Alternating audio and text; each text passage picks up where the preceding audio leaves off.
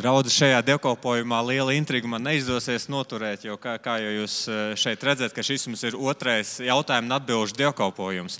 Tādēļ es aicināšu jūs visus apsēsties, bet trīs, trīs kungus aicināšu apsēsties drusku citās vietās. Girts, Markus un Raimons. Um, mums atbildēs uz mūsu iesūtītiem jautājumiem. Tas ir, tas ir mums, ir, tātad, tiem, kas nezina, mums ir katru gadu šāda tradīcija, kad mēs varam iesūtīt mums interesējošus jautājumus dažādos formātos, un, un, bet šie jautājumi mūs sasniedz. Tātad janvārī bija pirmais šāda veida jautājumu atbildžu dievkalpojums, bet jautājumu ir daudz, kas, kas jūs satrauc vai interesē. Tādēļ mēs organizējam arī atkārtot jautājumu atbildžu dievkalpojumu. Un, Girt, vai, vai tu reizēm varbūt esi teicis šos vārdus, nu manā laikā tā nebija, vai ne? Nu, uz kaut ko varbūt, vai draudzē, vai, vai arī kaut kur citur ikdienā, nu manā laikā gan šādi nebija. Kad es augu, tad nebija. Kad es augu, tad, tad gan tā nebija, ne? Un šis jautājums interesanti ir uzdots tieši, tieši tev, kā, kā mācītājiem Girtam, bet personiski Bet eh, tā tad eh, nu, arī par šo, vai tavā laikā tā bija, varētu pārfrāzēt, bet jautājums skan šādi. Eh, kā tu vērtē mileniāļu izaicinājumus, tātad jaunās, modernās paudzes izaicinājumus attiecībā uz visiem mūsdienu piedāvājumiem un atkarību riskiem? Kā piemērs tiek minēts, piemēram, datorspēles, bet varbūt var minēt arī telefonu un tā tālāk. Kā viņiem parādīt, ka ticība dievam ir svarīgs dzīves jautājums? Tad, lūdzu. Jā, paldies visiem, kas ir šos jautājumus iesūtījuši. Un, uh, godīgi sakot, uh, tad jau tie jautājumi ir arī tāds izaicinājums, jo ir lietas, ko tu nemaz nezini. Un, ja man jāsaka par šo jautājumu, man bija jāmeklē, kas ir mileniāli. es prasīju, prasīju uh, Raimondam, Raimonds teica, nu es esmu mileniāls. Ja? un, uh, un, nu, jā, tā tad. Eh, mileniāļi tie ir cilvēki, kuri eh, šobrīd ir eh, apmēram 20, 40 gadu veci. Tātad, kad es skatos uz jums, es runāju uz lielākoties uz mileniāļiem ja, šodien. Un uh, Vīlāns draudzē jau arī ir savā ziņā pārsvarā mileniāļu paudze, vai ne? Un, uh, uh, Tu es arī drusku centos, cenšos tā piederēt tiem miljonāļiem ar to, ka uh, es arī ieskatījos jaunajās tehnoloģijās. Un, uh, un tad es tur atradu tos raksturojumus, kas ir uh, miljonāļu paudzei. Un, uh, tur ir uh, teikts, tā, ka miljonāļi ir ultrasavienoti, jo ar tehnoloģijām ir saistīti praktiski no dzimšanas.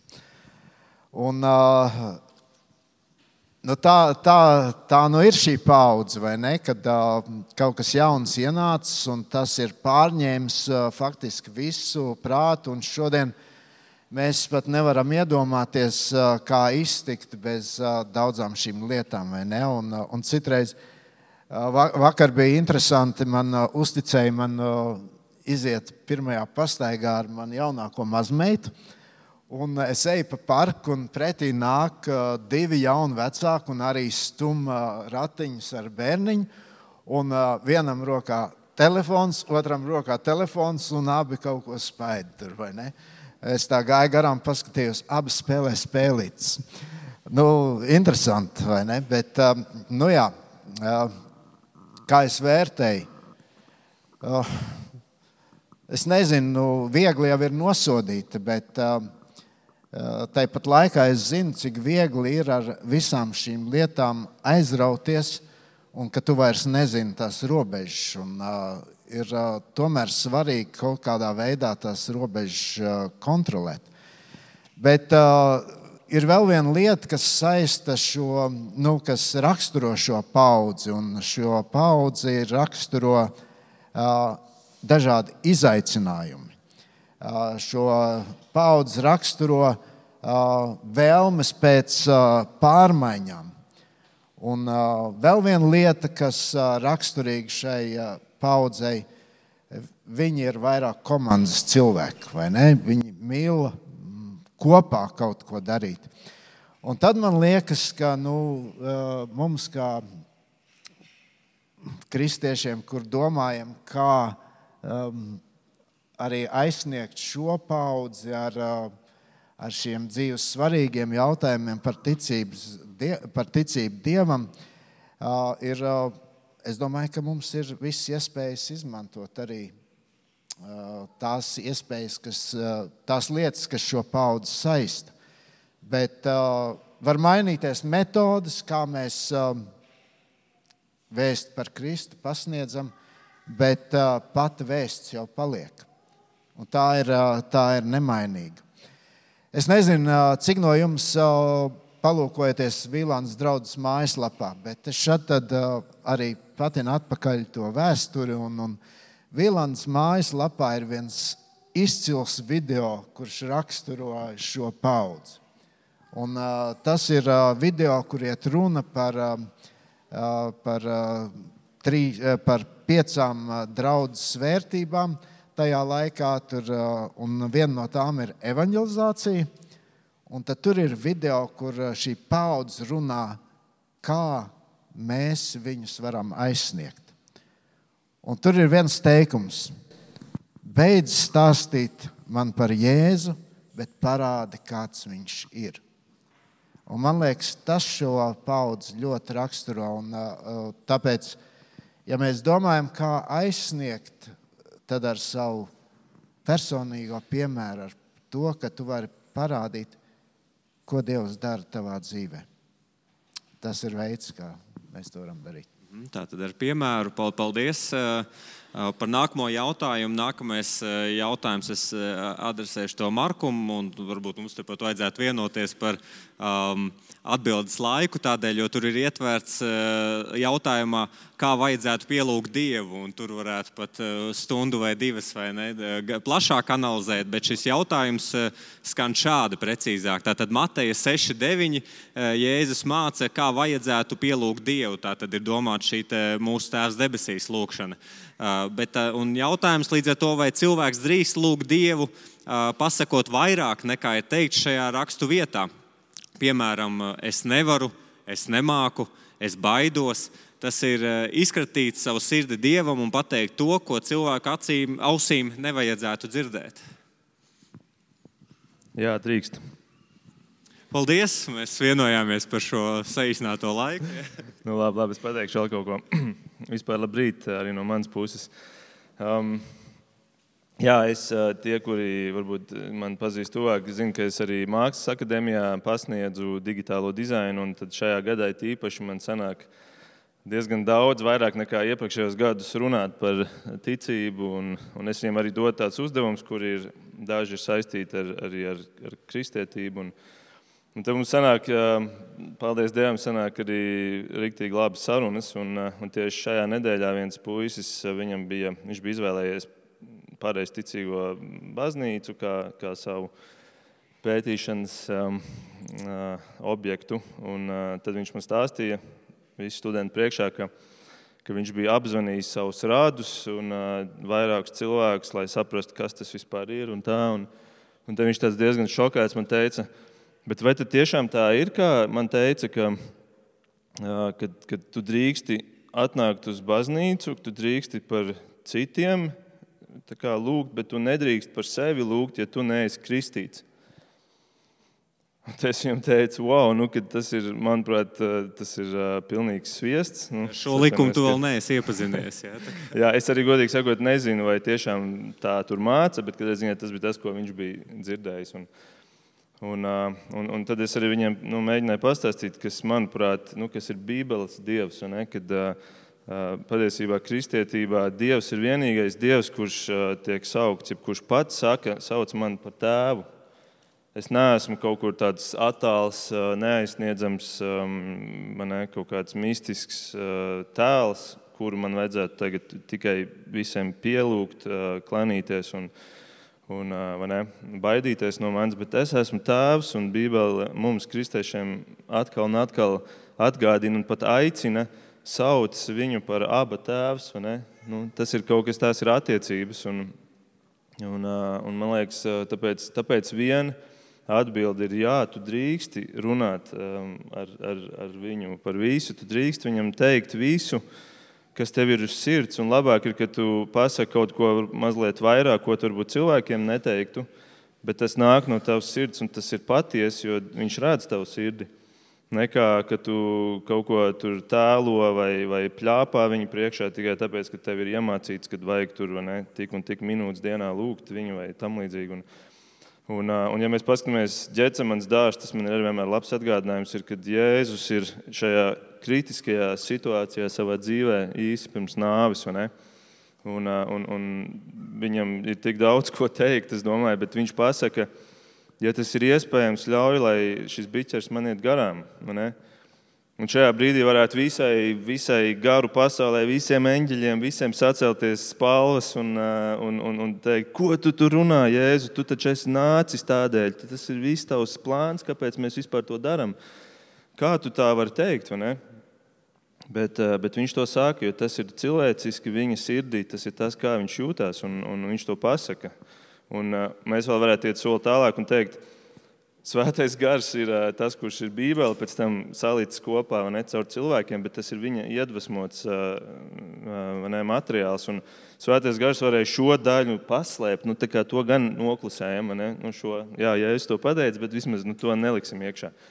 Bet viņš pat to ieliek iekšā. Viņš pat ar to kaut ko grib parādīt mums, ne, ka mēs varam no tā mācīties. Un, un, un vienlaikus ja, es saku, jā, saki visu, bet vienlaikus ir jābūt arī tai otrai pusē, kas ir tā mana attieksme, kādā veidā es to saku. Un Jēzus šo teikumu pabeidz ar, ar otro daļu. Viņš saka, tomēr ne kā es gribu, bet lai notiek tavs prāts, lai notiek kā tu gribi. Un, un tāpēc es domāju, tas ir svarīgi, ka mēs mācāmies Bībelē, kāds ir Dievs, ieraugot gan to tevišķo, to to, to pusi, kur mūs iedrošina nākt pie viņa, bet vienlaikus mēs redzam arī to otru pusi, ka viņš ir suverēns, vispēcīgs, visvarens Dievs, pie kura mēs nevaram vienkārši nākt un teikt, ej, čomiņ, klausies, man vajag to un to?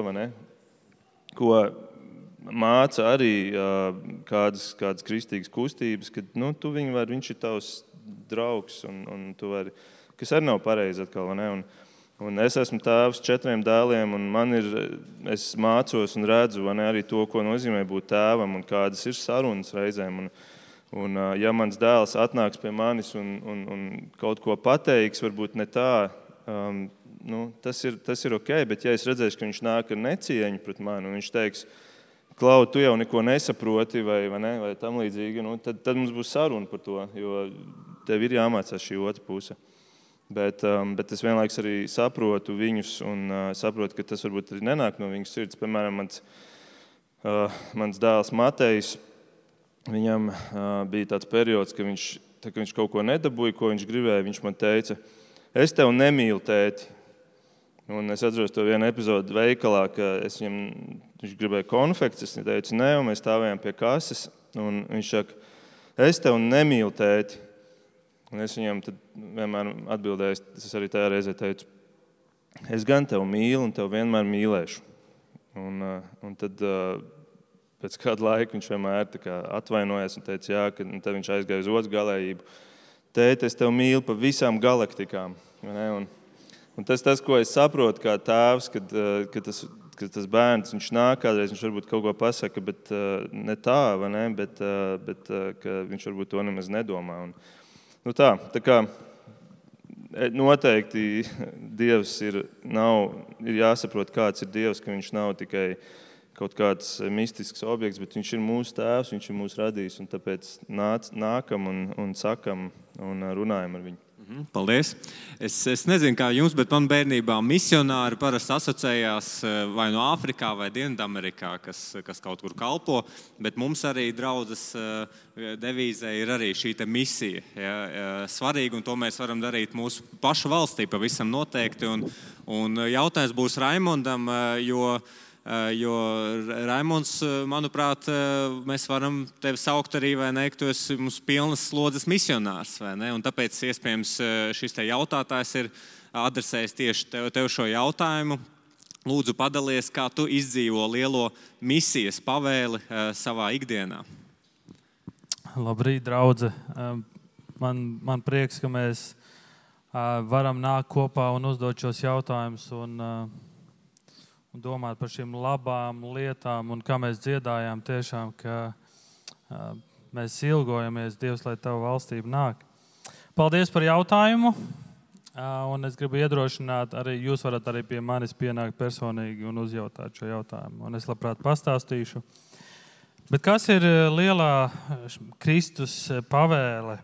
Un mēs to varam lasīt Mātē 28, 18 līdz 20. Jēzus piegājis klāt tiem sacīja saviem mācekļiem: Man ir dota visa vara debesīs un virs zemes, tādēļ Ejiet un dariet par mācekļiem visas tautas, tās kristīdami tēva, dēla un svētā gara vārdā, tās mācīdami turēt visu, ko es jums esmu pavēlējis, un redzi, es esmu ar jums ikdienas līdz laiku beigām. Tad šī ir tā Kristus eh, lielā pavēle, kas ir dots, ko Kristus saka saviem mācekļiem, saviem sekotājiem. Un tad, kad es lasu šo pantu, un par šo pantu ir nācies daudz domāt, Tad šeit Kristus sāk ar to, ka visa vara ir dota man. Un, un, un svarīgi ir, ka tev ir apziņa, ka Kristus ir kungs par visu. Viņš ir kungs, viņš, viņš ir ķēniņš. Un kas esmu es, kas esam mēs, visi tie, kas ticam, mēs esam viņa sekotāji. Un man liekas, tas, ko es mācos, mācos, es teikšu mēs, jo tas ļoti saistīts ar eh, mani un manu ģimeni. Mēs visi esam šajā misijā. Mēs ļoti cenšamies būt labi Kristus mācekļi. Mācīties no viņa, skatīties uz viņu. Jo šajā pavēlē teikts, dariet mācekļus, veidojiet mācekļus, bet kā to darīt un māciet viņiem visu, ko es jums esmu pavēlējis. Un tu, tu redzi, tas viss sākas patiesībā uz tevi. Ko tad Kristus ir pavēlējis, ko tu esi mācījies? Un to, ko tu esi mācījies, tev jādod tālāk, un tev jāmāca tālāk. Un, uh, un, uh, kā, mēs, kā mēs to cenšamies uh, darīt uh, savā ikdienā? Pirmkārt, uh, mēs to cenšamies izdzīvot mūsu ģimenē. Mēs savas meitas redzam kā mazas mūsu māceklīšus, kurus Dievs mums ir uzticējis, un mums viņos ir jāiegulda. Domāt par to, kā bērnam iemācīt, lasīt, pareizo attieksmi uh, pret vecākiem, pareizo attieksmi pret Dievu, lūgt skaidru izpratni par to, kas ir Jēzus Kristus. Mēs to cenšamies izdzīvot ģimenei. Mēs ar Martu iesaistamies draudzē, cik vien tas ir iespējams. Un mēs caur draugu, kalpojot draudzē, arī piepildām šo misiju, veidojot citus par mācekļiem. Un tāpēc man liekas, draudz ir tik. Tāpēc Kristus ir devis draugu, lai caur draugu mēs to varam izdzīvot. Un mēs ar Mārtu darbojamies arī tādā kristīgā organizācijā, kas saucās Jauniešu virzība. Šīs organizācijas mērķis ir palīdzēt Latvijas draugiem jauniešu kalpošanās, veidot šo mācekļu veidošanas kultūru. Un, un ir dažādi veidi, kā mēs to darām, ko mēs draugiem piedāvājam, jeb kā mēs cenšamies ar šiem jauniešiem, jauniešu vadītājiem sadarboties. Un, eh, tāpat arī mēs cenšamies ar savu dzīvi, ar savu piemēru. Eh, mēs cenšamies atvērt savas mājas, un eh, laiku pa laikam mums ir bijušas mazās grupiņas, kur mēs aicinām cilvēkus uz mājām. Mēs organizējam Bībeles studijas vai veidojam cita veida platformas, kur jaunieši var nākt un kur cilvēki var nākt un, un, un veidot attiecības, kur viņi var dzirdēt par Kristu. Un, Mēs organizējam jauniešu alfu. Es ļoti daudz uzsveru jauniešus, varbūt es ļoti daudz domāju par jauniešiem.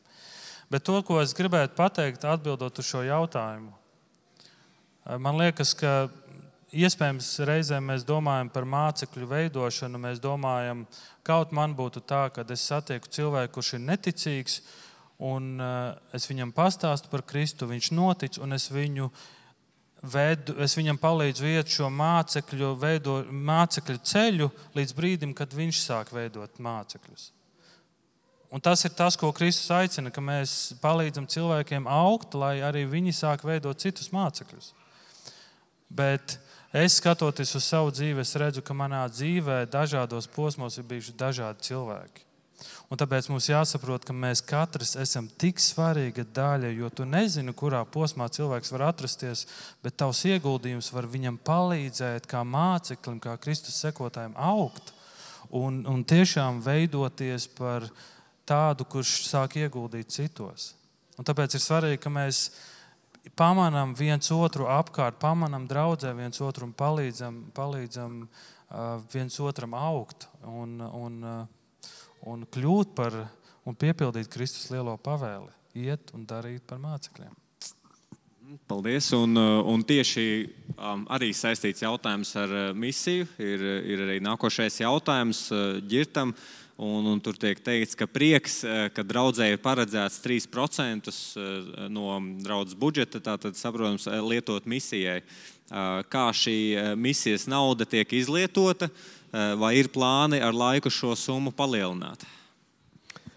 Jā, man arī prieks, ka kādi cilvēki lasa vēl kaut ko. Un vienīgā vieta, kur šie 3% publiski ir parādījušies, ir Baptistu vēstnesis kāds ir izlasījis, kur kādā intervijā es to pieminēju. Jā, mēs padomē esam par to sprieduši. Un uh, esam nolēmuši 3% lietot misijas darbam. Kā mēs saprotam šo misijas darbu? To mēs saprotam, tas ir darbs ārpus draudzes. Un, uh, tas, kā līdz šim mēs esam to lietojuši, mēs esam atbalstījuši uh, draudzes vai um, jaunu draugu uh, veidošanu, kur ir iesaistīta kāda no mūsu draugiem. Mēs esam atbalstījuši um, nometnes, um, bērnu nometnes, bet uh, tas mērķis ir uh, veicināt, lai uh, tas palīdzētu pasludināt evaņģēliju. Uh, un tie veidi, kā mēs to varam darīt, ir ļoti dažādi. Man pašam, manai izaugsmē, ļoti daudz ir devuši misijas braucienu, kur kāda no Vīlānas draudzes arī devās kopā ar mani gan uz Baškīriju, gan citām vietām. Uh, tas bija ļoti, kas arī iespaidoja manu skatījumu vispār uz misijas darbu. Un, uh, es ļoti ceru, ka Es jau piedzīvoju, ka mēs kādu komandu arī no Vīlānas draudzes varēsim aizbraukt kādā misijas braucienā. Un, tāpēc, protams, es esmu tikai par to, ja draudzene ir gatava atbalstīt draudzes darbus, starp kuriem nozīmīgi ir arī mis, nozīmīga vieta arī, ir arī misijai, tad mēs labprāt šo summu tikai palielinātu. Tieši arī bija domājis, no kurienes šie 3% varētu to jautājumu arī ievadīt pēc rūpīgas draudzes budžeta analīzes. Secinu, ka 3%, bet tā tad, eh, tad tas tiek pieminēts eh, Baptistu vēstnesī, kas mums arī ir, ir pieejams. Eh, bet nākošais jautājums ir Raimondam. Es zinu, ja aiziet ciemos pie Raimonda, tad dažādos mājas stūros reizēm var atrast kādu, kādu labu un interesantu grāmatu. Ja? Un tādēļ arī un dažādās valodās, un, un tā kā interesanti autori. Un tādēļ tieši par grāmatu un autoriem ir šis jautājums. Ir kādas kristīgas grāmatas, kuras bijušas daudziem par svētību, un kurās joprojām nesaskatām teoloģiskas nepilnības. Taču pēc gadiem autora dzīvesveids un teoloģiskie uzskati ir mainījušies, vai pat pavisam ir aizgājis no dieva ceļiem. Vai paturēt uh, grāmatu, tās it kā labā satura dēļ, vai tomēr labāk nē. Ja nu tā kļūst par klupšanas akmeni kādam, kurš to ierauga un zina šo autoru, jau tikai kā neticīgu vai maldu, maldu mācību pārstāvošu. Ja, tad, lūdzu, Raimons, sarežģīts, garš jautājums. Bet, uh... Nē, bet paldies par šo jautājumu. Jo man liekas, šie visi jautājumi liek, tas parāda to, kā mēs domājam, kas ir tie jautājumi, par ko mēs domājam. Un es, es teiktu, ka labāk nepaturēt šādu grāmatu. Jo nepaturēt tieši tāpēc. Un jautātājs jau patiesībā šajā jautājumā nu, jau saka, vai, vai tas nevar būt par klupšanas akmeni vai nē. Es domāju, pirmām kārtām mums, kā uh, ticīgam cilvēkam ir jābūt, jebkuram ticīgam cilvēkam, tad, kad tu lasi grāmatu, tev jābūt tādam kā filtram, tev jābūt kritiskai domāšanai pret jebkuru kristīgu grāmatu par kaut kādām teoloģiskām tēmām un tā tālāk. Jo mūsu autoritāte ir Bībele. Jauniem kristiešiem es, es ieteiktu, grāmatu, ar ko tu sāc, ir Bībele.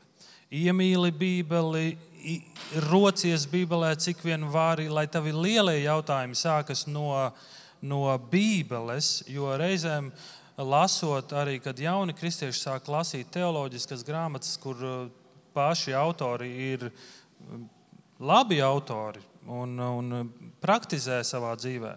Tas uh, arī reizēm rada apjukumu jauno, jaunos, jaunos ticīgajos. Un tāpēc uh, iesakņojies Bībelē. Es teiktu, tā nebaidies no, no grāmatas, nebaidies lasīt citu grāmatas ar citiem uzskatiem. Bet vienmēr atceries filtrē, vienmēr, vienmēr pārbaudi. Un, bet tāpat laikā, kad es domāju, vai, vai, vai vajadzētu tādu grāmatu lasīt vai nē, um, kāpēc? Ir tik daudz citas grāmatas, kur ir tik daudz citu labi autori šeit un vispār, kur tu vari izvēlēties labāk tādu grāmatu.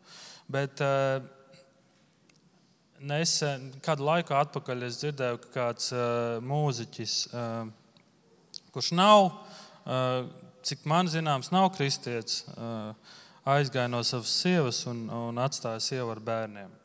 Jūs zināt, kāds man ietekmēja? Es vairs negribēju klausīties viņa mūziku. Jo tas, kāda, kāda ir šī cilvēka morāles standarti, man ir ļoti svarīgi. Es, es, nevar, es vienkārši nevaru vairs klausīties viņa mūziku. Kādreiz man likās skaista mūzika un bums šis notikums. Un tad, eh, runājot uz tādu kristīgu tēmu, nesen bija, bija nesen, pirms kāda laika bija kāds eh, mācītājs, kurš bija ļoti labs, harizmātisks runātājs un, un uh, grāmatu, daudzu grāmatu autors. Un varētu teikt, tajā laikā viņa teoloģija pat bija laba teoloģija. Bet tagad tas, kā viņš ir eh, nogājis no ceļa, ja tā varētu teikt, un turpina rakstīt grāmatas, es domāju, tie cilvēki, kas, las, varē, kas sāks lasīt tās vecās viņa grāmatas, viņi varētu sākt lasīt arī tās jaunās. Un tur ir tā bīstamība, kad, jo tā jaunā uzskats, teoloģiskie uzskati var pavisam atšķirties. Un, un, un tāpēc ir arī jāuzmanās. Es pats personīgi esmu lasījis uh, uh, grāmatas, te, kas teoloģiski nav precīzas, ar vienu noteiktu mērķi. Ja draudzē kāds ir lasījis, uzdevis jautājumu, Raimond, ko tu par to saki, es paņemu un to grāmatu izlasu. Kāpēc? Lai es zinātu viedokli. Jo ja tu neesi lasījis, tu nezini viedokli. Bet tikai tā iemesla dēļ. Lai es asinātu sevi, savu, savu argumentāciju, es, es nelasu tādas grāmatas. Un es arī citiem neteiktu lasīt, neieteiktu lasīt. Jo kāpēc tev savā ziņā, tādā ziņā mocīt savu, savu prātu, un, jo ir tik daudz citu jautājumu, kur tev, tev vajadzētu domāt un, un, un, un saprast lietas.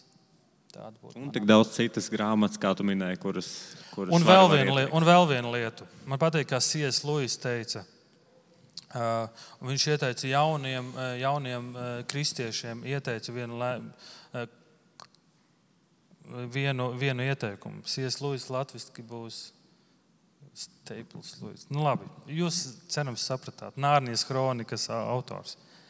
Un viņš teica tā, viņš teica, labāk es iesaku lasīt uh, vecās grāmatas, veco teologu, vec, vecās, vecās grāmatas, tāpēc ka šīs grāmatas ir izgājušas cauri uh, tādai kritikai, kritizētas, revidētas, un, un tur ir bijuši kādi, kas to ir izskatījuši, un, un tās ir daudz uz, uzticamākas nekā kad to lasīja jaunu, svaigu grāmatu, kura vēl nav izgājusi pat varbūt kaut kādu kritikas līmeni.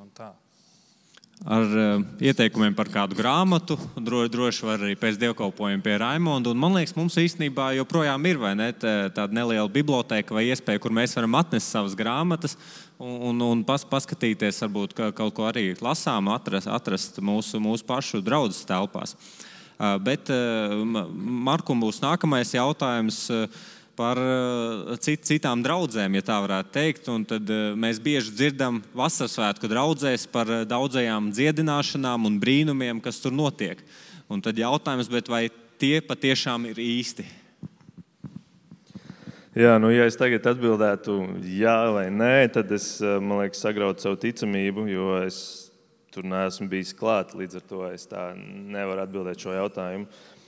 Tomēr, um, ja mēs tā kopumā paskatāmies uz, uz, uz šo nu, kustību un uz to, kā tiek popularizēta šāda pieeja, ka, ka regulāri dziedināšanas paka, pakalpojumi, ne, bet pakalpojumi. pasākumi. jā, slēdz, jā. Um, nu, tad, tad tas, ko es gribētu pateikt, ka Es ticu, ka Dievs ir kārtības Dievs. Tas arī ir teikts 1. korintiešiem 14. nodaļā, kur tieši runa par šādām mēlēs, runāšanām un tā tālāk. Un, un tas ir ļoti svarīgi vispār kopumā, arī priekš manis, svarīgi saprast, ka Dievs ir kārtības Dievs. Līdz ar to, ja, ja tu gribi kādu šādu jautājumu izprast, tad, tad meklē un Bībelē tu ieraudzīsi kaut kādu kārtību. Un, Un, eh, un man liekas, ka ir iespējams eh, atrast šādus parametrus, pēc kuriem šo kārtību var ieraudzīt. Un, eh, un dažus es jums izrakstīju. Piemēram, pirmkārt, jau tas, ka regulāras dziedināšanas, jeb regulāri brīnumi, regulāri brīnumi, šie divi vārdi, viņi nu, ne, neiet kopā. Ne? Um, brīnums ir brīnums, tāpēc ka tas notiek tik reti, tas ir tik iespaidīgi, tas ir tas ir tik maza varbūtība, ka tas var notikt. Un, un tad tas ir brīnums. Bet, ja tas notiek katru nedēļu, tad tas jau nav brīnums, tā jau kļūst par normu. Um, tāpēc nu, tas ir pirmais, pirmais aspekts. Ja mēs runājam par brīnumiem, tad nu, mums nevajadzētu to ieviest kā tādu mm, lietu, kurai tagad vajadzētu būt regulāri mūsu draudzē. Kaut gan katrs jaunpiedzimis kristietis ir tas ir vislielākais brīnums, kāds vispār ir šajā pasaulē, kad cilvēks ir kurš ir bijis garīgi miris, akls, kuram Dievs bija nospļauties par viņu, ka pēkšņi viņš Dievs kļūst par tavu ne, dzīves centru un tu esi gatavs visu savu dzīvi pakārtot. To tas ir brīnums. Um, vēl kādas uh, atšķirības Bībelē. Ja? Tad, kad Jēzus kaut ko dara, brīnums dara, tad bieži vien pat grieķu valodā ir vārds, uh, kas, kas nozīmē latviešu dinamīts. Viņš to darīja ar dinamītu spēku. Viņš to darīja ar tādu spēku, ka tur bija uzreiz redzams efekts. Pat ja reizēm tur bija Jēzus divreiz to izdarīja, vai ne? Tur vienam kungam redzēja, tur viņš sāka redzēt, un Jēzus vēlreiz atkārtoja to pašu, un tad viņš pavisam redzēja. Tomēr vienmēr bija šis efekts. Savukārt tas, ko mēs šajās kustībās redzam, ir, ka, ja paskatās kaut vai YouTube, piemēram, video, ja, tur var redzēt, ka cilvēki nāk katru nedēļu atkal un atkal. Viņi vienkārši nāk Es biju es tiku dziedināts pagājušajā nedēļā. Šonadēļ es atkal nākušu, tikt dziedināts, iespējams, no tās pašas vainas. Un, ne, nu, tas atkal, es neredzu Bībelē šo. šo, šo um, ir, ir pat uh, tas viens draugs um, mācītājs, kurš regulāri Amerikā, kurš regulāri um, veido šos dziedināšanas pasākumus, un viņš katru reizi uz skatuves stāv ar brillēm. Viņš dziedina cilvēkus no visādām slimībām, bet viņš katru nedēļu nāk ar brillēm. Um, nu, lūk, tātad dinamīts spēks Jēzum. Uh, nākamais, piemēram, uh, Jēzus spēja dziedināt fiziskas ārējas vainas, piemēram, muguru, kas bija savilkusies vai, vai noraut, nogriezta auss vai cilvēks, kuram, kuram nebija kāda locekļu ārēji. Viņš to spēja izdarīt. Spitālīgi cilvēki, kur tu redzi, tu redzi uzreiz efektu, tu redzi uzreiz atšķirību. Tas, kas notiek šajās kustībās, un es esmu diezgan daudz pētījis viņas, um, tur fokus ir uz, uz tām dziedināšanām, kuras ir iekšējas, kuras, kuras tu, ne, nu, tu neredzi to efektu. Nu, tam cilvēkam ir kaut kas iekšējs, viņš iziet tur priekšā, tiek dziedināts. Un, un, um, Un, uh, mēs, to, mēs neredzam to atšķirību, vai arī viena kāja tiek izvilkta garāka. Nu, to, tādas lietas, nu, tas ir. To nevar salīdzināt ar, ar to spēku, kas bija, kas bija Jēzus uh, laikā, kā viņš dziedināja ārējais. Un, un, uh, un tas, ka var tikt dziedināts iekšējas lietas, tas, tu, turpat ir tāds skaidrojums, ka, um, ka ja tas cilvēks ir piemēram dēmonu apsēsts, un principā katrs cilvēks, kurš ir netic dievam, viņš kaut kādā mērā ir pakļauts dēmoniskām varai. Nu, tas, tas tā vienkārši ir. Tad, tas, kas var notikt, ir, ka Sātens pavēl šim dēmonam uz, to, uz kaut kādu laiku attiet no tā cilvēka, jeb, jeb, jeb, jeb at, atkāpties no šīs varas, viņš, ar kuru viņš šo cilvēku fiziski ir ietekmējis. Tā ka izskatās, ka wow, tas cilvēks ir dziedināts, ir atšķirība. Bet pēc kāda laika um, viņš atgriežas ar to savu darbību. Un, un tāpēc šīs iekšējās lietas mēs nevaram nolikt blakus tam spēkam, kāds bija Jēzum, jo dēmons nespēs ārēji pieaudzēt, ārēji locekli vai ausi pieaudzēt. To viņš nevar izdarīt. Bet iekšējas ne, darbības viņš var veikt un piebremzēt bišķiņu. Vēl viena svarīga lieta ir, kad Jēzus um, Mēs redzam, ka piemēram Lūkas 5, Jēzus dziedina spitālīgo, un arī pēc tam 10 spitālīgos Lūkas 17. Viņš saka, ejiet un atrādieties priesteriem, lai viņi, nu, lai ir ārējais pierādījums tam, ka tiešām jūs esat fiziski dziedināti. Tas būtu tā kā šodien teikt, tu esi dziedināts, ej pie ārsta, un lai viņš to pierāda. Ne? Un, un, un mūsdienās nu, arī, arī šāda veida um, kustībās ir ir vair, lielāka tā tendence uz to, ka kad, nē, nu, tas brīnums ir noticis, bet, um, lai kaut ko pierādītu, tur um, es esmu lasījis, ka dokumentiem tiek izdzēsti personu apliecinošie lauki, un tad tiek doti. Uh, vienā gadījumā bija, kad uh, sekulāri žurnālisti gribēja teikt, ka jūs, jūs, jūs publiski paziņojat, ka jums, jūs esat pat augšām cēluši mirušus cilvēkus. Tad, nu, tas ir vieglākais, ko jūs varat pierādīt. Ne? Um, un viņiem iesniedz dokumentus ar izdzēstiem laukiem. Tā, un, nu,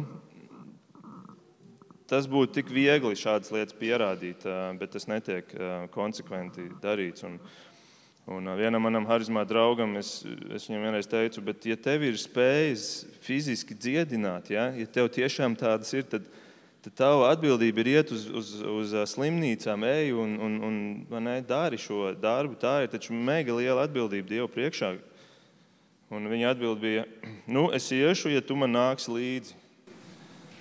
Un, un es domāju, nu, kā, kāds, kas es tur esmu, kāpēc man būtu, kāpēc tu to darīsi tikai tad, ja, lai man pierādītu, ka tu to spēj. Tas tā ir tava atbildība. Un, un, un, nu, lūk, un, un, um, nu, tur ir vēl visādi argumenti, es jau liešu pāri laikam, bet, piemēram, apstuļiem izdzisa šīs spējas jaunās darbības laikā, kad tu paskaties arī.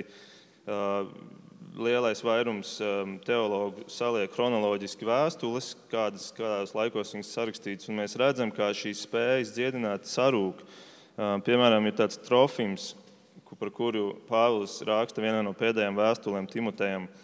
Um, viņš raksta, es viņu atstāju slimu, mīlētā es atstāju viņu slimu. Es viņu nedziedināju, es viņu atstāju slimu. Un Trofims ir tas pats Trofims, kurš bija klātesošs apstuļu darbos 20, kas ir viena no pirmajām uh, grāmatām, uh, kas ir rakst, sarakstītas jaunajā derībā.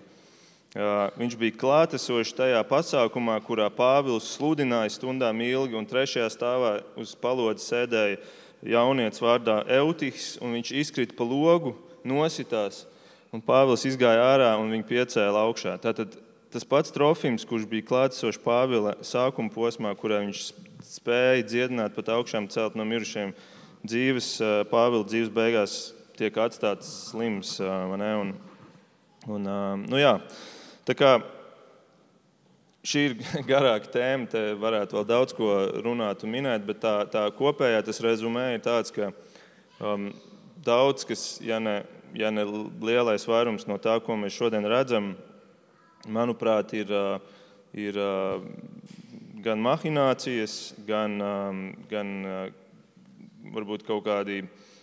Balst, kaut kas, kas ir balstīts labklājības teoloģijā, kur cilvēki māca, ka visiem kristiešiem vajadzētu būt veseliem. Tā ir Dieva griba, ka visi ir veseli. Un, ja tu tādu mācību māci, tad loģiski, ka tev, tev, uz tevi tiek izdarīts spiediens, ka tev tas arī kaut kā jāmēģina ne, praksē pierādīt. Bet Jēzus nekad nelika uzsvaru uz fiziskām dziedināšanām. Varbūt mums liekas, ka mēs tā lasām cauri, vai ne, kad o, viņš tur dziedina masveidā un tā, bet viņam, viņam svarīgi bija tā iekšējā dziedināšana. Cik daudz reizes viņš pēc tam, kad viņš ir dziedinājis cilvēku, viņš ir teicis, negrēko vairs, vai ne? Un, un, un tas ir svarīgāk nekā tas, ka tev tur tās, tā, tā strunta ausi pieaudzēta. Labāk sāc klausīties garīgi, lai tu saņemtu mūžīgo dzīvību. Un, un, um, un viņš pat Mateja 7. kalnu svētdienā brīdina no cilvēkiem, uh, jeb no, no, no tādas pieejas, kura saka, ka mēs tur ne, esam dēmonus izdzinuši, mēs esam daudzus lielus brīnumus darījuši. Kungs, kungs, mēs esam visu kaut ko varenu tavā vārdā darījuši. Un Jēzus viņam saka, bet es jūs nekad neesmu pazinis. Tieši šī lūk, grupa ir šajā Jēzus viskritiskākajā brīdī pieminēta. Un, un, un tieši šī grupa, manuprāt, ir tā, kur ir līdz ar to arī visvieglāk apmānīt tieši šo ārējo efektu dēļ, kuri cilvēciski cilvēkam liekas tik ļoti pievilcīgi. Jo es kaut ko redzu, es kaut ko jūtu, un man liekas, ka tāpēc, ka es to jūtu, tāpēc Dievs ir klātesošs. Bet, um, bet vēsture ir pilna ar, ar um, piemēriem, kur arī hinduismā, tā saucamā kundalīnija kultā un citur, kur notiek tas pats, tikai tas viss ir Nevis svētā gara darbs, bet uh, kāda cita darbs. Savā atbildē pieminēja, um, ja, ka cilvēks ir dēmona apsēsts, bet te, te nākamais jautājums ģirtam ir par, par to, vai kristietī uh, var mājot ļaunais gars, uh, kā to māca harizmātu draudzes.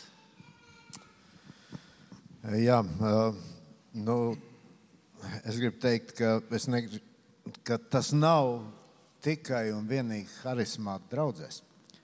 Um, ir arī Baptistu draugs, kur um, kaut kas tāds tiek mācīts. Bet um, par to pirmo eh, teikumu daļu, vai kristietī var mājot ļaunais gars, es gribu teikt, tā var. Bet, bet tas notiek tikai uh, kādos atsevišķos gadījumos, un uh, tas nekādā gadījumā nav tāds, uh, tāda masveida parādība, kā šodien ļoti bieži tiek uzsverts. Nu, Un tas, protams, saistās kopā ar to, ko Markus jau tikko teica, vai ne ar šo labklājības evaņģēlīju, ar, ar to, ka kristietis, kristietis nedrīkst slimot, kristietim ir jābūt veselam, un ja tev kaut kas skaita, tad tev ir tev ir kāds ļaunais gars, kurš mums jādzina ārā. Un es domāju, ah, tas ah, savā ziņā mm, tā ir šī, nu, ko es jau pirmā jautājumā teicu, mileniāļu paudze, vai ne, kad mēs esam saistīti ar šīm jaunām tehnoloģijām, un mēs redzam, ka kaut kur tas notiek, kaut kur tas notiek, un man arī to vajag izmēģināt, vai ne? Uh, Bet uh, attiecībā uz to, vai kristietī var uh, mājot uh, ļaunais gars, tad es domāju, tā iespēja, kad tas var notikt, ir tikai tad, ja tu pats apzināti saisties ar kaut ko. Piemēram, ejot apzināti, ejot pie burviem, pie zīlniekiem, es nezinu, uz varbūt vēl kādām lietām. Bet uh, lielākoties, ja par harizmātiskām draudzēm, un kā jau teicu, ne tikai harizmātiskās draudzes, visbiežāk uh, šo situāciju saistā ar miesas dziedināšanu. Bet uh, jaunā derība nekur uh, nemāca. Uh, nerāda, ka sekošana Kristum ir uh, apstiprinājums arī uh, miesas dziedināšanai. Pāvils Galatiešiem raksta, ka svabadībai Kristus mūs ir atsvabinājis, tad nu stāviet stipri un neļaujiet atkal iejūgties kalpības jūgā. Ja tu esi kristietis, tad jebkurā gadījumā ir jābūt uzmanīgam, lai atkal neaizietu kaut kādās saistībās.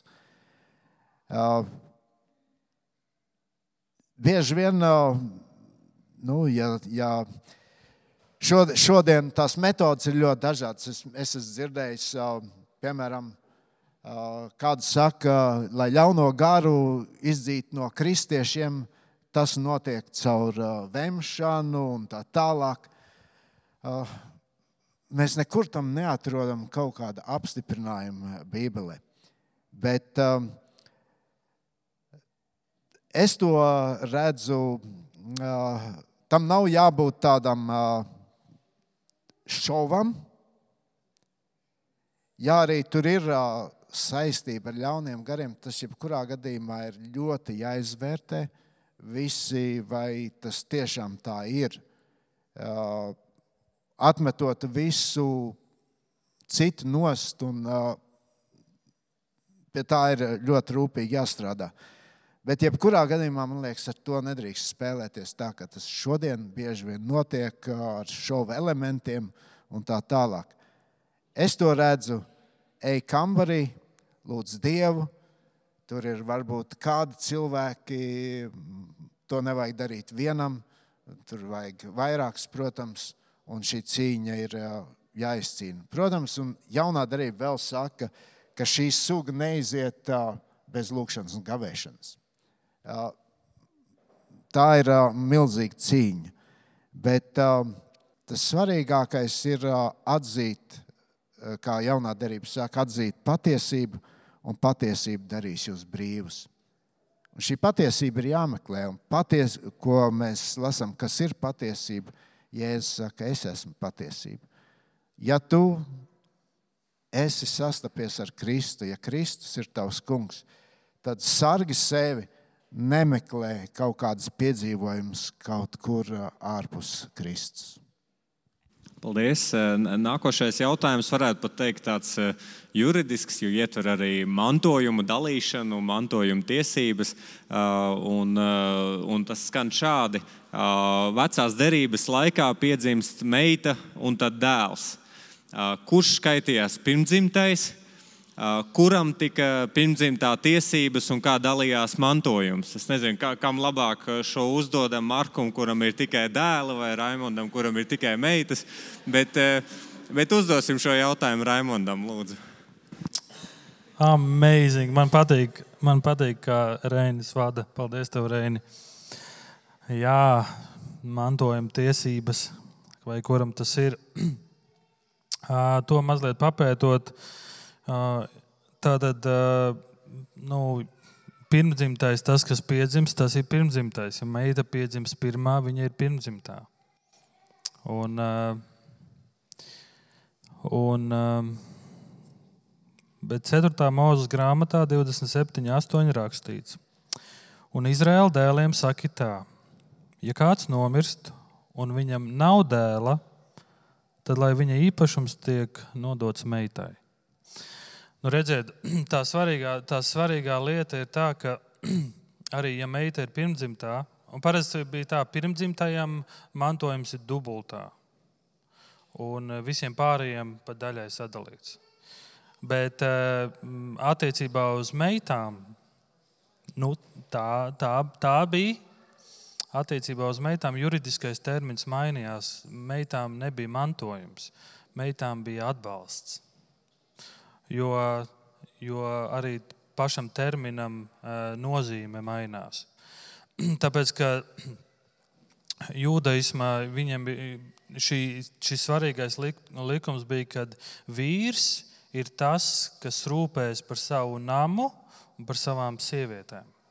Tev, ir, tev kā vīrietim ir jārūpējas. Un līdz ar to arī dēlam tika nodots mantojums, lai viņš rūpētos par sava nama, par sava nama sievām, un, ja, ja viņš ir precējies par savām sievām.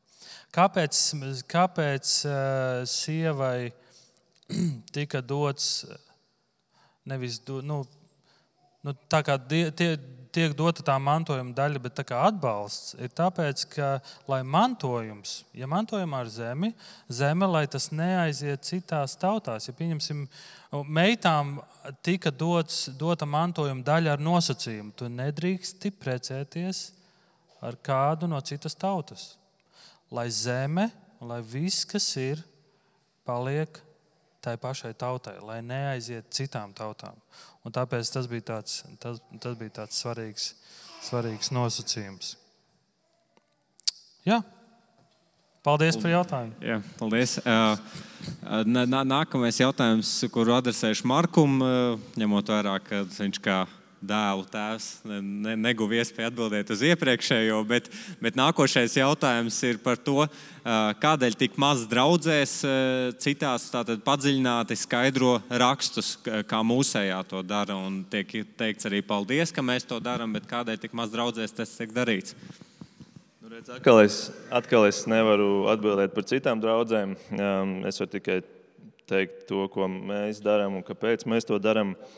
It, ka tu kā citu jā. draugu eksperts. Jā, Man kaut kā jāatbild par visām Latvijas draugiem. Es nezinu, kas tur notiek. Bet, um, bet kāpēc mēs to darām? Un, uh, un es tā apsēdos un rakstīju tos iemeslus, un uh, tur ir kādi.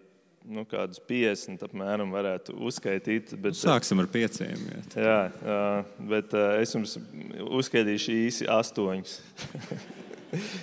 Um, Tātad pirmkārt mums ir pavēlēts sludināt Dieva vārdu. Uh, Tim, 2. Timoteja 4, 2. Pāvils savam sekotājam, savam nākamajam sludinātājam Timotejam saka, sludini savu pieredzi. Nē, vai ne? Viņš saka, varbūt sludini savu secinājumus. Arī nē. Viņš saka, sludini Dieva vārdu. Sludini Dieva vārdu. Un, tas, tas, ko mēs gribam darīt, tāpēc arī mēs sludinam Dievu vārdu, nevis uh, izvelkam no Dieva vārda kaut kādu vienu vārdu un tad par to savus apcerējumus, kāpēc un kā tas šis vārds attiecās uz mūsu dzīvi. Otrs iemesls - Dieva vārds patiesībā ir tas, kurš dod vispār ticību cilvēkam.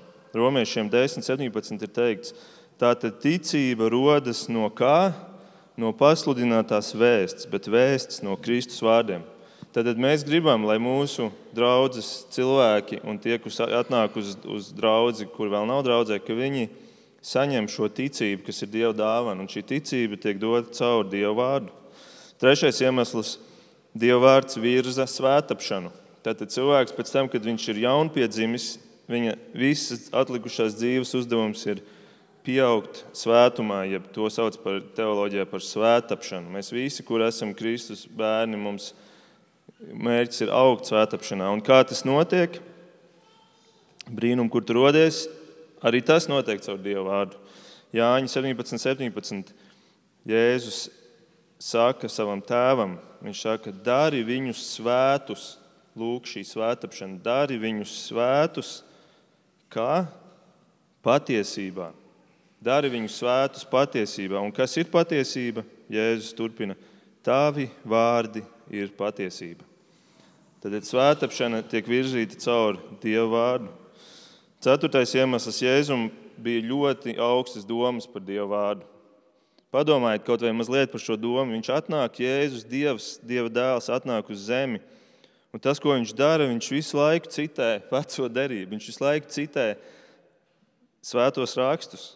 Kāpēc viņam tas bija jādara? Viņš pats varēja nākt un, un, un ne, sludināt savu jauno derību, bet viņš visu laiku viņš rāda, pamato vecajos, vecajā derībā. Un Kalns vētrunā viņš saka, jo patiesi es jums saku, iekams debesis un zeme zudīs, pat vismazākais burts vai pat rakstu zīme no bauslības nezudīs, līdz tas viss notiks.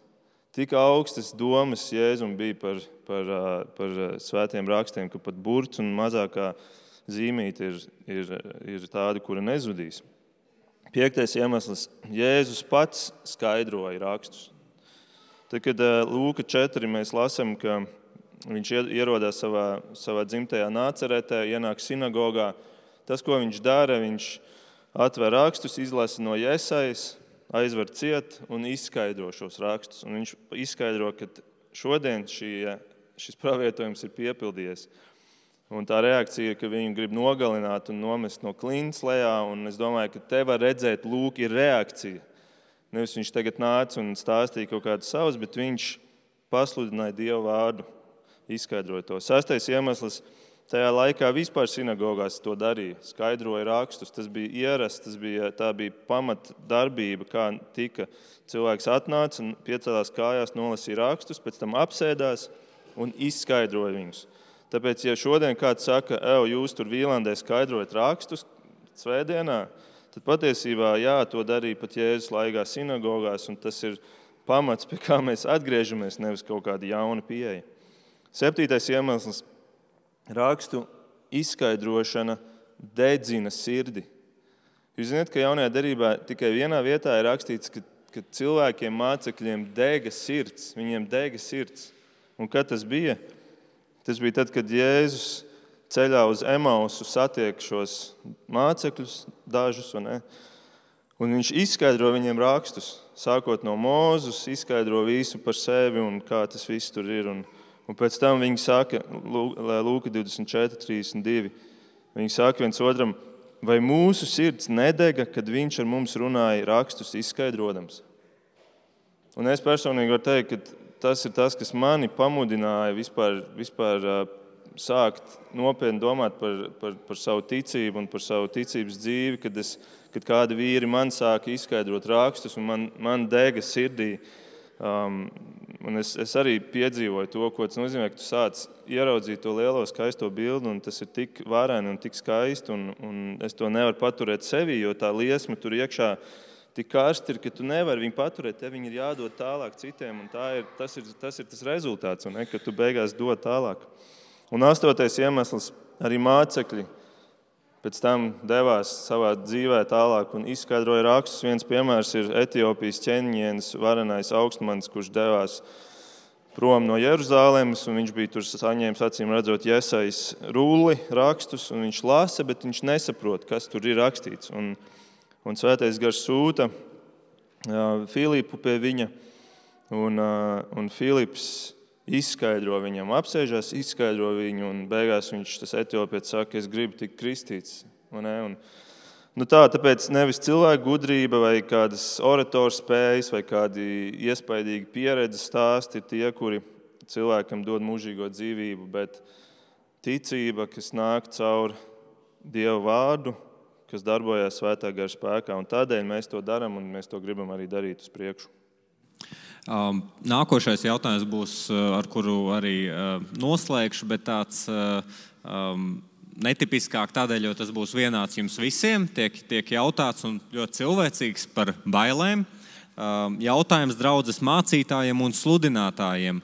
Kā jūs pārvarat bailes no ēles? Ja, jo tiek paskaidrots, ka Jēkabā vēstulē trešajā nodaļā ir teikts, um, no 1 līdz 2 pantam, lai visi nekļūst par mācītājiem.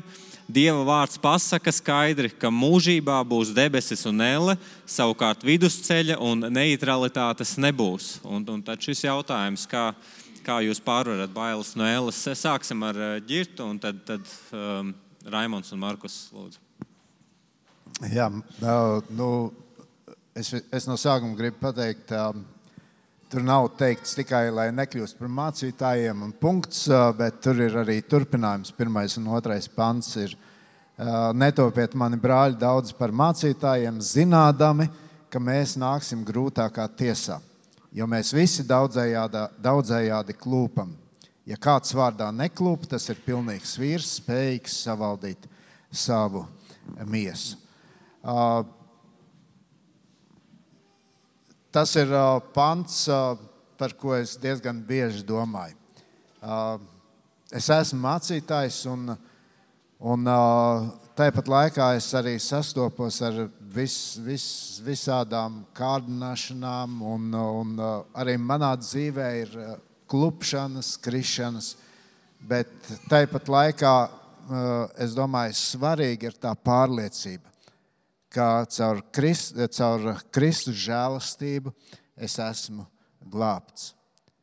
Un šo, šo pārliecību ir svarīgi vienmēr saglabāt un, un zināt, ka Kristus žēlastība ir daudz lielāka. Ja tu viņu pazīsti un viņš pazīst tevi, tad viņš tevi sargās, viņš tev vadīs, viņš tev dos spēku uzvarēt arī tajās kārdināšanās. Un vēl mani stiprina, ja mēs ja domājam, kā, kā es pārvaru bailes no elles. Protams, tā ir šī pārliecība, ka es esmu glābts un Dievs man ir sagatavojis kaut ko daudz vairāk, kā Bībele saka. Un man ļoti mīļi ir vārdi, kas ir rakstīti romiešiem. Astotajā nodaļā tur ir teikts, tad nu tiem, kas ir Kristu Jēzu, vairs nav nekādas pazudināšanas. Tāpēc es esmu pārliecināts, ka ne nāve, ne dzīvība, ne eņģeļi, ne varas, ne lietas esošās, ne nākamās, ne spēki, ne augstumi, ne dziļumi un cita kāda radīta lieta mūs nevarēs šķirt no Dieva mīlestības, kas ir atklājusies Kristu Jēzu. Tas paņem projām šīs bailes, jo es zinu, ka mans kungs ir spēcīgāks. Raimond, kā tu pārvari bailes? Es gribu pateikt paldies par šo jautājumu. Tas man lika domāt par to. Šis pants patiesībā man ļoti liek no jauna izvērtēt to atbildību, kas ir katram dieva vārdu sludinātājam. Un paldies par šo jautājumu. Bet eh, es gribu atbildēt, tad tur ir jēkaba vēstule, un tad ir jautājums par bailēm no elles. Tad, Jēkab vēstule, tad mēlē un laulība. Divas lietas, par ko es gribētu runāt. Mēlē un laulība. Un Jēkabs saka, tā kā mācītājs Girts jau teica, ka tas, tas to, ko Jēkabs saka, neatiecas tikai uz sludinātājiem. Tur Jēkabs daudz runā par mēli, un ja tu spēj kontrolēt mēli, tas ir tāds brieduma rādītājs. Uh, un, uh, un sludinātājiem ir jāspēj kontrolēt savu mēlu, lai viņš valdītu par savu visu miesu, vai arī Kristus miesu. Kā, kā to kāds interpretē un saka. Bet savā ziņā bet šis jautājums par bailēm, es domāju par laulību. Un, un tas, tā pēdējā doma, ko es, ko es, es patiesībā nekad nebiju iedomājies, domāju, kāpēc Dievs ir devis tādu simbolu kā laulība. Kā tu domā? Dievs ir skaidri pateicis, viņš ir devis Ādamam, Ādamam ievu, savu sievu, un, un, un pavēl ir e, augļojieties un vairojieties. Bet patiesībā Dievs ir devis laulības simbolu arī tāpēc, lai šajā pasaulē parādītu, ka Dievs ir nemainīgs. Un ja Viņš ir teicis savu jā, tas jāpaliek. Un laulība ir simbols, ja vīrs saka savai sievai, es tevi nekad neatstāšu, un es tevi mīlēšu līdz savai nāvi, līdz nāves, līdz dzīves beigām. Šī laulība simbolizē kaut ko daudz lielāku, ko Dievs saka. Dievs saka, ja tu esi izglābts, ja tu tici man, ja tu tici tam, ko Kristus ir paveicis, ko Kristus ir atnācis darīt, nekas tevi nespēja izraut no tā nekas, jo tu piederi man. Un to viņš saka, Kristus saka savai līgavai draudzēji. Un tāpēc tas, ko mēs pasaulē sabojājam, ka laulības tiek šķirtas un cilvēkiem. Iedomājieties, attiecībās, ja, ja mana sieva, ja mana Marta visu laiku domātu un šaubītos, tu mani mīli vai nē. Tur ir mokas, tur ir mokas, un tas, kas ir pirmā Jāņa rakstīts, Mīlestībā nav baiļu, jo pilnīga mīlestība aizdzen bailes. Bailēs ir mokas, un bailīgais nav pilnīgs mīlestībā. Kā es tieku ar šīm bailēm galā? Es, es zinu, ka Kristus man mīl. Un es mīlu Kristu. Es mīlu Kristu tāpēc, ka es arvien vairāk savā dzīvē ieraugu, ko Viņš ir paveicis un ko Viņš ir izdarījis. Un, ja godīgi, man nav laiks domāt par Elli kā vienu, ja es savā sludināšanas darbā to daru. Jo es zinu, cik ļoti Dievs man mīl un no kurienes Viņš man ir izvilcis. Un, un tas, ko Viņš saka Jāņa evanģēlijā, Dievs ir tik ļoti pasauli mīlējis, ka devis savu vienpiedzimušo dēlu. Viņš tik dārgi mūs ir atpircis. Tā samaksa ir tik dārga, ka tāda nebūs vienā brīdī viņš tevi atstās. Un Jāņa 6,47. patiesi, patiesi es jums saku, kas tic, tam ir mūžīgā dzīvība. Ja tu tici, kā es tieku galā ar bailēm, es ticu. Es ticu, es ticu tam, kas rakstīts Dieva vārdā. Es paļaujos, es katru dienu palieku vārdā, es katru dienu lūdzu un es pateicos par šo ticību, kas ir dāvāta. Tas ir tas, kā es tieku galā ar šīm bailēm. Markus? Jā, šīs jau bija labas, labas atbildes. Un, un man atbild arī, kad es par to tā domāju. Tad, um, pirmkārt, es gribu teikt, un es domāju, ka kungi brāļi pievienosies, ka mēs atzīstam, es atzīstu, ka es arī lietās kādās kļūdos, ka es kādreiz kaut ko nesaprotu, mm, rēti, kad varbūt vispār saprotu visu līdz galam, bet, bet reizēm kaut ko pārprotu un to arī sludinu. Un, un tā ir mana atbildība, mana vaina arī. Un, un tā, bet, bet šis pants Jāekab vēstulē tāpēc ir dots, ka mums, kā sludinātājiem, kā mācītājiem, mums ir tā atbildība pārbaudīt, rakt dziļāk, pārbaudīt, pirms mēs kaut ko mācām. Un, un, un tas, kas notiek pasaulē, tas ir, tas ir, ir, ir ļoti bezatbildīgi, kā, kā liels daudzums sludinātāju pieiet šim, un arī tas pats, kā tiek sludināts, piemēram, draudzē. Tāpēc tas varbūt atgriežoties pie iepriekšējā jautājuma ka mēs samazinām varbūt savu risku ar to, ka mēs pateiksim savas domas, jo mēs gribam sludināt Dievu vārdu. Mēs mēģinām pateikt to, ko Jēzus ir pateicis, un pamatot ar Jēzus un ar, um, ar apstuļu vārdiem uh, kādas domas. Un, un tas ir, manuprāt, viens no instrumentiem, kā arī likt savai sirdsapziņai būt mierīgākai. Bet tas galvenais ir, ka es ticu ne tikai mums, kā sludinātājiem, bet mums visiem kristiešiem, kur esam Dieva bērni, kuriem sakam par sevi, ka mēs esam Dieva bērni, ka mums ir mērķis nebaidīties. Um, Girts jau pieminēja romiešiem 8. nodaļu, kas ir mana mīļākā nodaļa Bībelē. Un, un, uh, tur 15. pantā ir teikts, jūs neesat saņēmuši verdzības garu, lai atkal baidītos.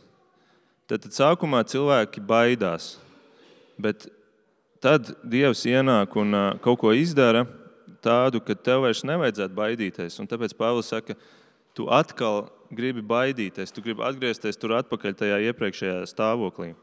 Bet kas tad ir tas jaunais stāvoklis? Viņš saka tālāk, bet esat saņēmuši dēlu tiesības un garu, kurā mēs saucam aba tēvs. Redzēt, šeit ir tas jaunais līmenis, ka tu ieraugi, ka tas ir tavs tēvs, kurš, tur, um, kur, kurš ir tas, kurš tevi gaidīs. Um, un, un tas, tas ir kaut kas pavisam cits nekā kaut kāds mistisks dievs. Un tad tu gribi saprast vairāk, ko tas tēvs. Nu, kā viņš domā, ko viņš sagaida no tevis? Kas ir tas, ko viņš, viņš dara, darbojas, kā viņš tev ir devis šo glābšanu? Vai tā ir tava izvēle, tu esi pateicis, ka tu gribi, un tagad visa atbildība uz taviem pleciem ir. Tāpēc man liekas, šī astotā nodaļa ir tik, tik grandioza. Es, es gribētu nolasīt pēdējās nu, pāntu šai, šai vēstulē, un ar to mēs arī varam noslēgt šo 29. 28. pantā. Un mēs zinām, ka tiem, kas Dievu mīl un kas pēc viņa iepriekšējā nodoma ir aicināti, viss nāk par labu Tātad, ja tu mīli Dievu un ja Viņš tevi ir padarījis par Dieva bērnu, tev viss nāks par labu. Šajā viss vārdā Elle. Elē nav vietas, viņa tur nekādīgi nevar iespiesties. Tev nevar nonākt tas viss beigās līdz tam, ka tev viss nāk par labu, bet beigās tu nonāc Elē. Tas nav loģiski, tas neiet kopā. Un tālāk viņš saka, tos, par kuriem Dievs jau iepriekš ir lēmis, tos viņš arī noteica izveidot līdzīgu savu dēla tēlam lai viņš būtu pirmdzimtais daudzu brāļu vidū, un par kuriem viņš jau ir iepriekš noteicis. Tos viņš arī aicina, un kurus viņš aicina, tos viņš arī attaisno, un kurus attaisno, tos arī pagodina. Un te mēs redzam, ka neviens neizkrīt ārā šajā visā ķēdē. Un, un tu, ja, tu, ja Dievs ir to lēmis un Viņš ir tevi padarījis par Dieva bērnu, tad tu nonāksi līdz tam gala punktam, kas ir pagodināšana, kas ir, kas ir debesis. Un tad Pāvils saka, ko tad mēs par to sakām? Ja Dievs ir par mums, kas būs pret mums? Ja Dievs ir par mums un Dievs ir vispēcīgs, tad kurš vispār var būt pret mums? Kurš vispār var būt tas, kurš mūs ievada tajā ellē? Kurš būs tas? Kā tad viņš, kas savu pašu dēlu nav audzējis, bet devis viņu par mums visiem, līdz ar viņu nedāvās mums visas lietas. Citiem vārdiem sakot, ja viņš jau savu dēlu ir devis un, no, un ļāvis nogalināt, kā te viņš nedos tās mazās lietas, kuras mums ir vajadzīgas, lai mēs noturētos līdz, līdz galam ticībā pie Kristus, kas ir daudz mazāka vērtība nekā Kristus dzīvība. Nu ne? Kas apsūdzēs Dievu izredzētos? Dievs tos attaisno. Kas tos pazudinās? Ir taču Kristus Jēzus, kas ir miris un vēl vairāk, kas ir augšām cēlies, kas ir pie Dieva labās rokas un kas arī aizstāv mūs. Tad Jēzus pat tagad aizstāv mūs un, un rūpējas par to.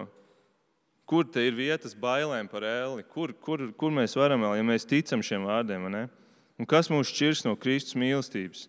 Jo vienīgais, kas vēl var mūs šķirt, ir, ka Dievs pārdomā ka Dievs, kurš ir mūsu ievedis šajā jaunajā dzīvībā, ka Viņš pārdomā, Viņš saka, hmm, vispār nē, tu tomēr neesi derīgs, es tev atkal izslēdzu ārā. Bet kurš tad šķirs mūs no Kristus mīlestības? Mēs sakam, nu, mēs atkrītam varbūt kaut kādā brīdī un, un uznāk kaut kādas grūtības. Bet kurš šķirs mūs no Kristus mīlestības, vai bēdas, vai nelaimes, vai vajāšanas, vai bats, vai kailums, vai briesmas, vai zobens? Un te viņš noslēdz, bet visā tajā mēs pār pārējiem esam uzvarētāji, pateicoties Kristum, nevis sev, pateicoties Kristum, kas mūs ir mīlējis. Un es esmu pārliecināts, ka nec nāve, nec dzīve, nec eņģeļi, nec varas, nec, nec tagadne, nec nākotne, nec spēki, nec augstumi, nec dziļumi, nec kāda cita radīta lieta, ieskaitot mani pašu, mūs nespēj šķirt no Dieva mīlestības, kas ir Kristu Jēzu mūsu kungā. Lūk, tāpēc es nebaidos no, no ēles, un vienlaikus es eju ar bijību Dievu priekšā, apzinoties, ka tas, ko es saku arī draudzēji, ka tas ir, tam ir ļoti, liela, ļoti liels spēks un tā ir ļoti liela atbildība. Mēs atbildēsim par to Dievu priekšā, bet, bet mums ir liels aizstāvis, kurš, es ticu, aizvedīs mūs līdz galam un pabeigs to darbu, kuru viņš ir iesācis pie mums katra. Mēs turpināsim ar dziesmu, jo tagad ir pienācis laiks, ka jūs katrs arī varat uzdot uh, savu jautājumu. Un īsnībā šis laiks uh, turpināsies līdz pat nākamā gada janvārim. Jo es aicinu jūs tiešām katru individuāli uzdot šo, uzdot šo jautājumu. Uh, to var izdarīt gan sociālajos tīklos, vai, vai personiski. Var arī anonīmi vienmēr iesākt jautājumu, ar manam draugam ir jautājums, vai paziņam, vai ne. Tā kā paldies šiem trīs kungiem par atbildēm šajā dievkalpojuma formātā, un, un tiešām aicinu arī individuāli jautāt sev interesējošos jautājumus.